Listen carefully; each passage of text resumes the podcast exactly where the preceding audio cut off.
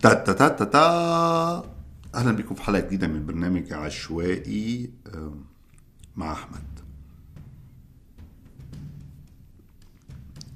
فأنا مؤخرا رجعت بقالي فترة كده مهتم تاني بالإسلام. طبعا يعني أتمنى يعني أنا يعني كنت أتمنى إن ده يبقى مؤشر على إنه الواحد عارفين أنتوا مثلا كتاب دايما في مصر عموما لما بيكبروا في السن في مرحلة كده اللي هو إيه ألبس بقى عباية فوق البدلة وأبتدي بقى أتكلم عن عبقرية محمد وعبقرية خالد وعظمة الإسلام والحاجات دي. كنت أتمنى والله إن إنه إن أنا أكون رايح السكة دي بس لا للأسف مش رايح السكة دي.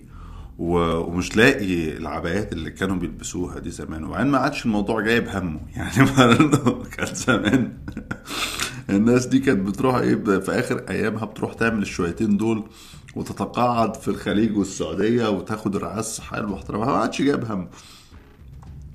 بس لا الكلام بجد إنه يعني جزء من موضوع الاهتمام بالإسلام ده تاني لأنك بتيجي هنا أمريكا بتنقل بلد تاني وبتلاقي طبعا بتلاقي بتقابل صور مختلفة جدا عن الإسلام اللي أنت عارفه.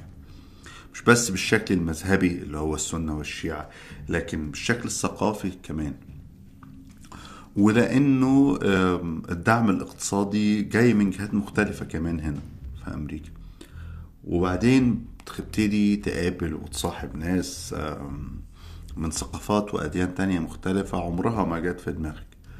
انه إنه تلاقي حد من بنجلاديش مثلا. و ومسلمين هم. بس مثلا هو بيكلمك فيكلمك إنه بيقول لك على حاجة زي إن هم مثلا في بنجلاديش عندهم مصطلحات تانية. زي إن هم شايف إن هو لحد الثمانينات هم كانوا عندهم إسلام تركي أو إسلام عثماني. وإنه فجأة من أول الثمانينات مع برضه نفس الحدوتة هجرة الناس والناس اللي راح تشتغل في السعودية وكده بقى عندهم إسلام جديد اللي هو إسلام السع- السعودي. فتندهش جدا وتبقى مستغرب جدا من تجربته وعلاقاته معاه تسأله على الإسلام التركي ده. فتلاقي ممارسات مختلفة تماما عن السياقات بتاعك رغم اللي هو الاتنين إسلام سني. يعني إن هو يحكي لي مثلا إنه ليلة القدر عندهم في رمضان جوهر الموضوع فيما يخص ليلة القدر ده إن هو العيلة كلها كانت بتتجمع وافطروا مع بعض ومن الفطار لحد الفجر. هم قاعدين بيغنوا والعيال يلعبوا بيعملوا حلويات. عندهم نوع معين من الحلويات بيقعدوا يعملوه طول الليل. فهو كان بيحب جدا ليلة القدر. دي كانت مناسبة بالنسبة له إن هو بياكل ويجري ومش عارف إيه. طبعا أنا بالنسبة لي هو بيحكي لي يعني اللي هو كنت هشخر له يعني. في السياقات بتاعتنا إحنا العشرة الأواخر من رمضان وليلة القدر دي دي يعني مناسبات للكفحت. يعني انك هتروح الجامع بقى وتعتكف وتقعد تصلي التراويح وتخلص تخلص يعني فاهمين الأجواء دي. ف... فابتدى الواحد يبقى عنده أسئلة تانية مختلفة أوي عن الإسلام ده وعن جذوره وانتشاره. رجعت تاني أقرأ في مواضيع كنت حاسس إن أنا تجاوزتها يعني شغوف قوي مثلا مع عبد الملك بن مروان. متابع بدقة قوي اللي بيحصل في السعودية. لأنه كمان إحنا بنعيش لحظة فارقة بالنسبة لجيلي أو إن إحنا جيلنا آه، اتولدنا وكان في حاجات مقدسة فيما يخص هذا الإسلام ده. وحتى زمان لما الواحد كان مهتم يعني إنه يتكلم عن موضوع الإسلام والأديان والليلة دي كنت وأنت بتتكلم عارف إنه قد إيه النقاشات هتبقى غير عقلانية من الأول. يعني قد إيه مثلا في موضوع زي الحجاب ده والملابس عموما سواء عند الرجال والستات وعلاقتها بالشريعة قد إيه الموضوع ده هيبقى فيه هرتلة كتيرة جدا وهيبقى فيه عنف كتير جدا. و... و... وممكن بتلاقي نفسك بتعمل في هستيريا مقابل هستيريا. يعني زي شيخ الأزهر حاليا ما لما بيطلع يتكلم في أي حاجة مختلفة أو الناس مش متعودة عليها يطلع لهم إيه؟ آه حق الكد والسعاية. فيخش ناس بال... يقولوا له يعني هو أنت هتفتي في الدين أنت كمان هتتكلم في الدين. بس بعيدا عن كل هذا بقى إنه رحلة البحث الجديدة ديت وصلت آه، الواحد كده بشوية مصادفات عجيبة وفي نقاط كده عمالة بتتجمع وتتوصل ببعضها. المهم إنه آه الحلقة مش عشان أشارككم يعني كل رحلة البحث دي لكن عشان أشارككم اكتشاف آه اكتشفته مؤخرا هو أنا أخيرا عرفت هو ليه الإسلام انتشر وليس بحد السيف. ليه الإسلام انتشر؟ هو ده موضوع الحلقة. تترا ترا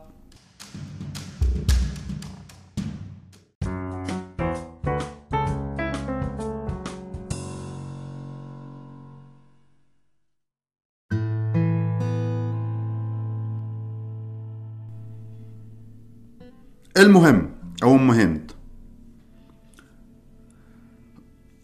أنا واقف يا سيدي في المطبخ. أنا هحكي لكم الحدوتة من البداية.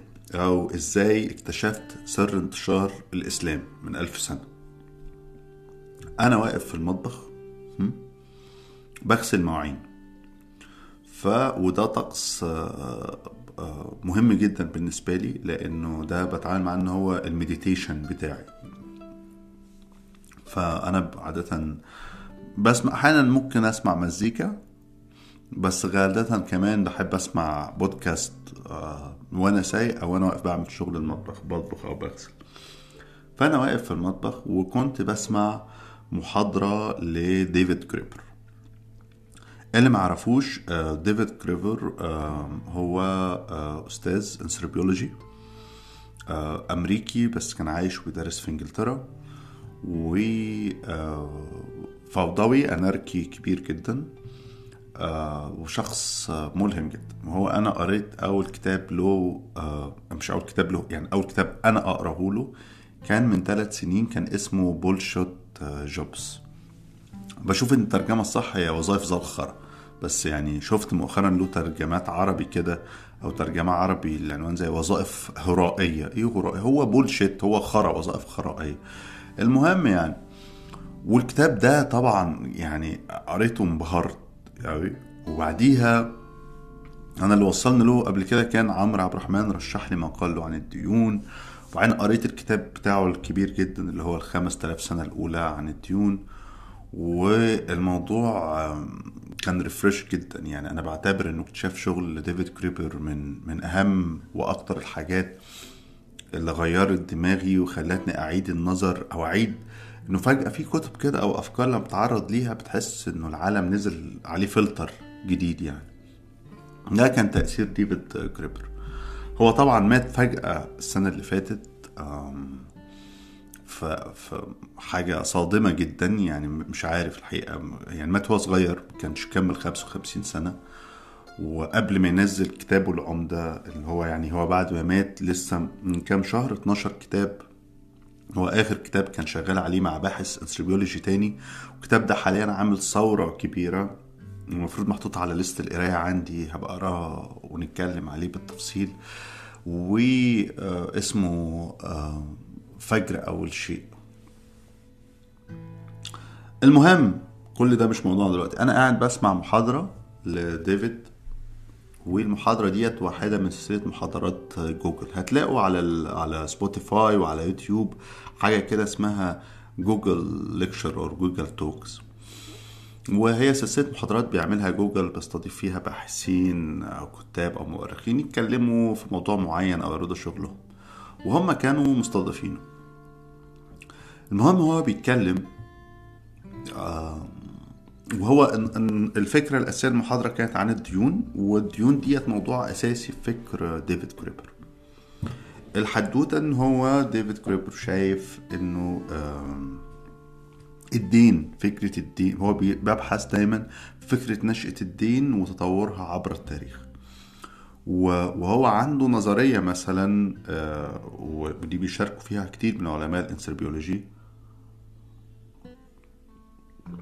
إن آه، ظهور ال... ده صوتي وأنا بشرب قهوه انه ظهور العبودية آه، هو نتيجة مباشرة للدين مش الحروب. يعني الناس دايما فاكرة إن ظهور العبودية ده إنه إيه ده ناس اتحاربوا فخدوا اسرى فبقوا الاسرى لا هو شايف إنه الموضوع أقدم من كده وإنه ظهور العبودية بشكل أساسي مرتبط بالدين. إنه حد بيستلف حد حاجة من حد متسلف حد ايا كان ما بيقدرش يرجع الدين فأنت ما تقدرش ترجع الدين يبقى أنت ملكي. تمام؟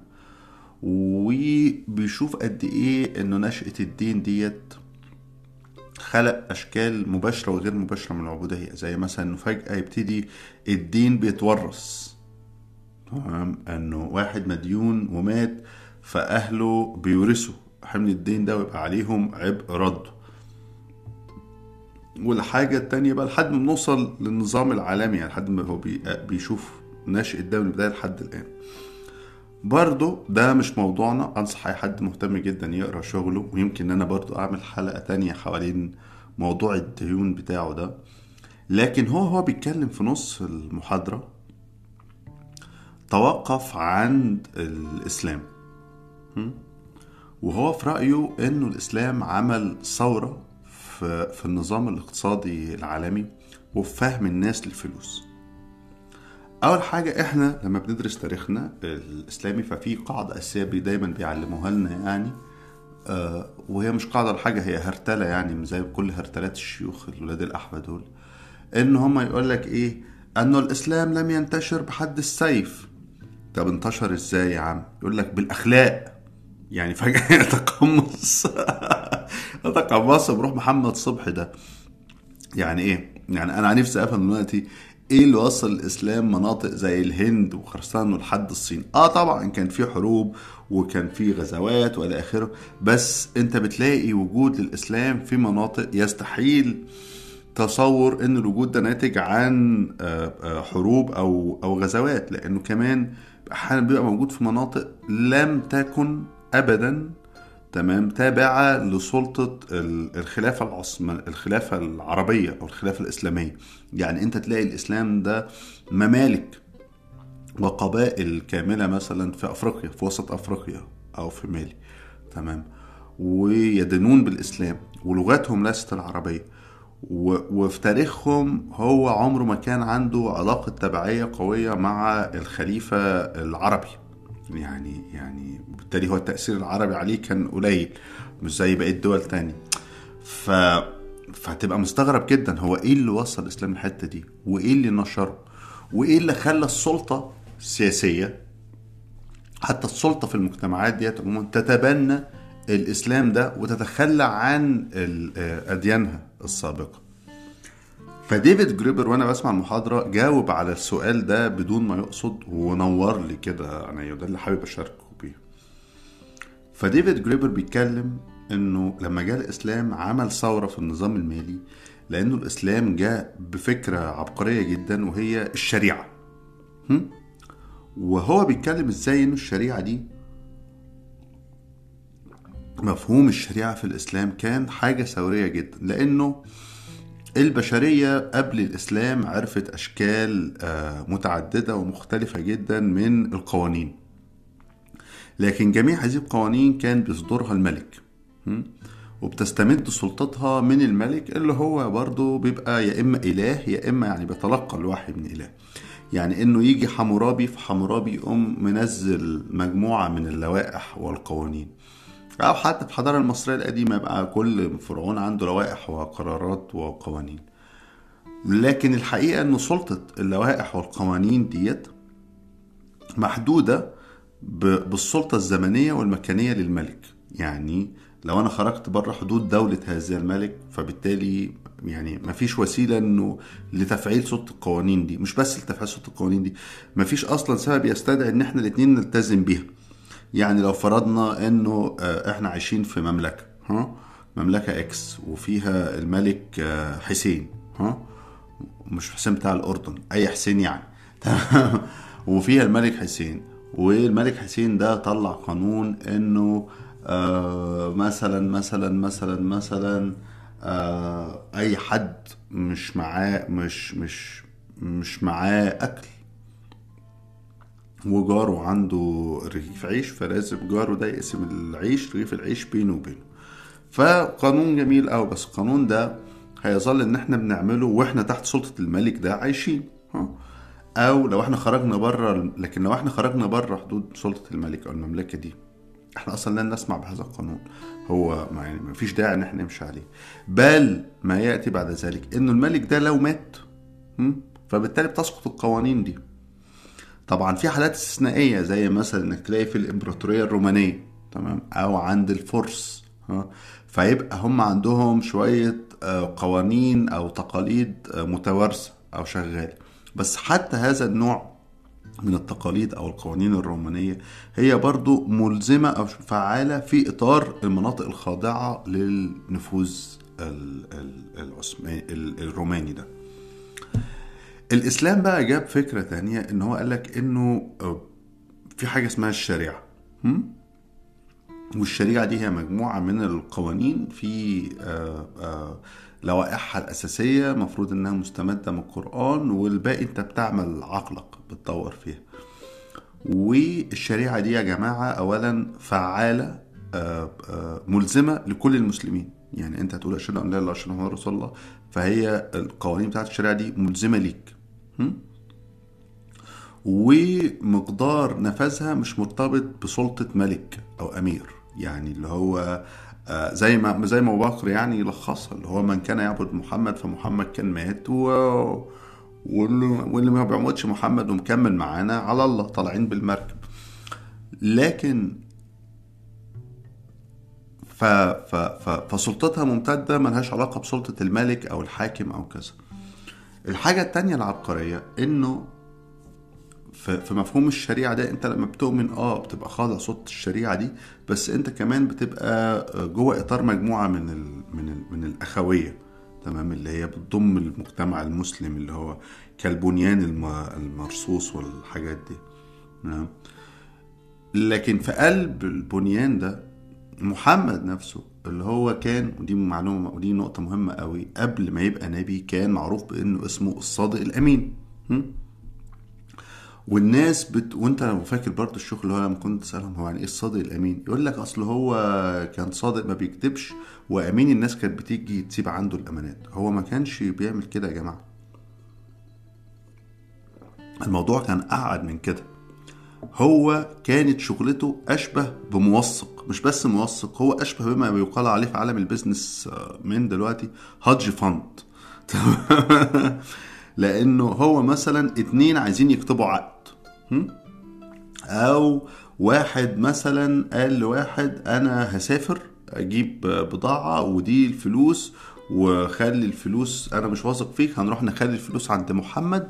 أول ما أرجع من السفر آه، هيديك الفلوس. أول ما أنا أروح واستلم البضاعة هو محمد هيديك الفلوس. فهو كان بيقوم مجموعة من الخدمات المالية في المجتمع المحلي بتاعه؟ الخدمات المالية ديت هي تعتمد إن هو موثق فالناس لما بتيجي تكتب لبعض ورقة أو تعمل تعاقد بتشهده? وبتحترم رأيه وبتلزمه آه، بيه وده السبب على فكرة يعني دي نقطة خلافية تانية مش عايزين نفتحها بس ده السبب اللي هو فيه جدل كبير قوي حوالين موضوع إن هو انه إنه يعني ناس كتير مسلمين شايفين إن هو كان أمي مع إن هو لا يعرف القراءة والكتابه وده موضوع فيه شكوك كتير جدا لأنه مش بيتماشى مع تاريخه اللي قبل اللي قبل النبوه مش بيتماشى مع تاريخ واحد بيعمل تجارة وبيروح لحد الشام وبينزل لحد اليمن وبيشتغل كموثق لعقود الآخرين يعني هو الناس بتيجي تعمل عقود عنه. المهم إن ديفيد جريبر هو ما قالش ديفيد جريبر كده ديفيد جريبر قال إنه أعظم حاجة بقى جت بيها الشريعة ديت هي فكرة الشيك? اللي إحنا الآن بنستخدمه في كل البنوك. واللي هو المصطلح الإسلامي بتاعه هو الصك الصك الإسلامي. اللي هو كلمة شيك على فكرة جاية من كلمة صك وفي الصك الإسلامي ده فيجي مفهوم إنك آه، آه، عايز مثلا تشتري بضاعة من حد. والحد ده في بلد تاني لكن انت ما معكش الفلوس حاضرة الآن. هم؟ فانت بقى ينفع ان انت تكتب له صك. حلو؟ الصك ده بتقول فيه انه أنا فلان الفلاني هيديني بضاعة والورقة دي بتثبت ان هو له عندي آه، 100 دينار. أول ما بيتكتب الصك ده الصك ده في الشريعة وفي التشريع الإسلامي هو له سلطة نافذة جدا؟ هو سلطة الشيك و و وله قيمة مالية. يعني وله قيمه ماليه و- وقيمته المالية وسلطته ونفذيته مش بس قائمة على إنه لو الطرفين مسلمين ده حتى لو طرف مسلم والطرف التاني كافر مادام المسلم هو اللي كتب تمام فهو ملتزم بيه? ملتزم بيه اخلاقيا والسلطة بقى اللي في المجتمع الإسلامي ايا كانت يعني سواء بقى كان الخليفة هو العباس ولا الخليفة هو بني أمية تمام؟ هو ملزم باعتماد هذا الصك وإنه لو في حالة أي خلاف أنا باخد الصك ده وأروح للقاضي والقاضي بيتعامل معاه كوثيقة ملزمة. ديفيد جريبر بيتكلم قد إيه؟ دي كانت فكرة عبقرية وثورية جدا في في العالم وقتها. بل الفكرة ديت هي اللي مكنت الكثير من التجار العرب والمسلمين بعد كده إن هم يعملوا business عابر للبحار وللجبال والسهول وإن هم ينشئوا خطوط خطوط خطوط تجارة طويلة جدا. تمام؟ ولذلك تلاقي مثلا مراسلات يعني أنا فاكر كان زمان قوي كان في كتاب حد بحث عندي اشتغل حوالين العلاقات التجارية المصرية الهندية في عصر المماليك. فكنت تلاقي في المراسلات ديت حاجات من نوع إنه تاجر مصري في, في مش هقول لك في القاهرة ده تاجر مصري في منفلوت تمام؟ باعت رسالة لتاجر هندي في كلكاتا حلو؟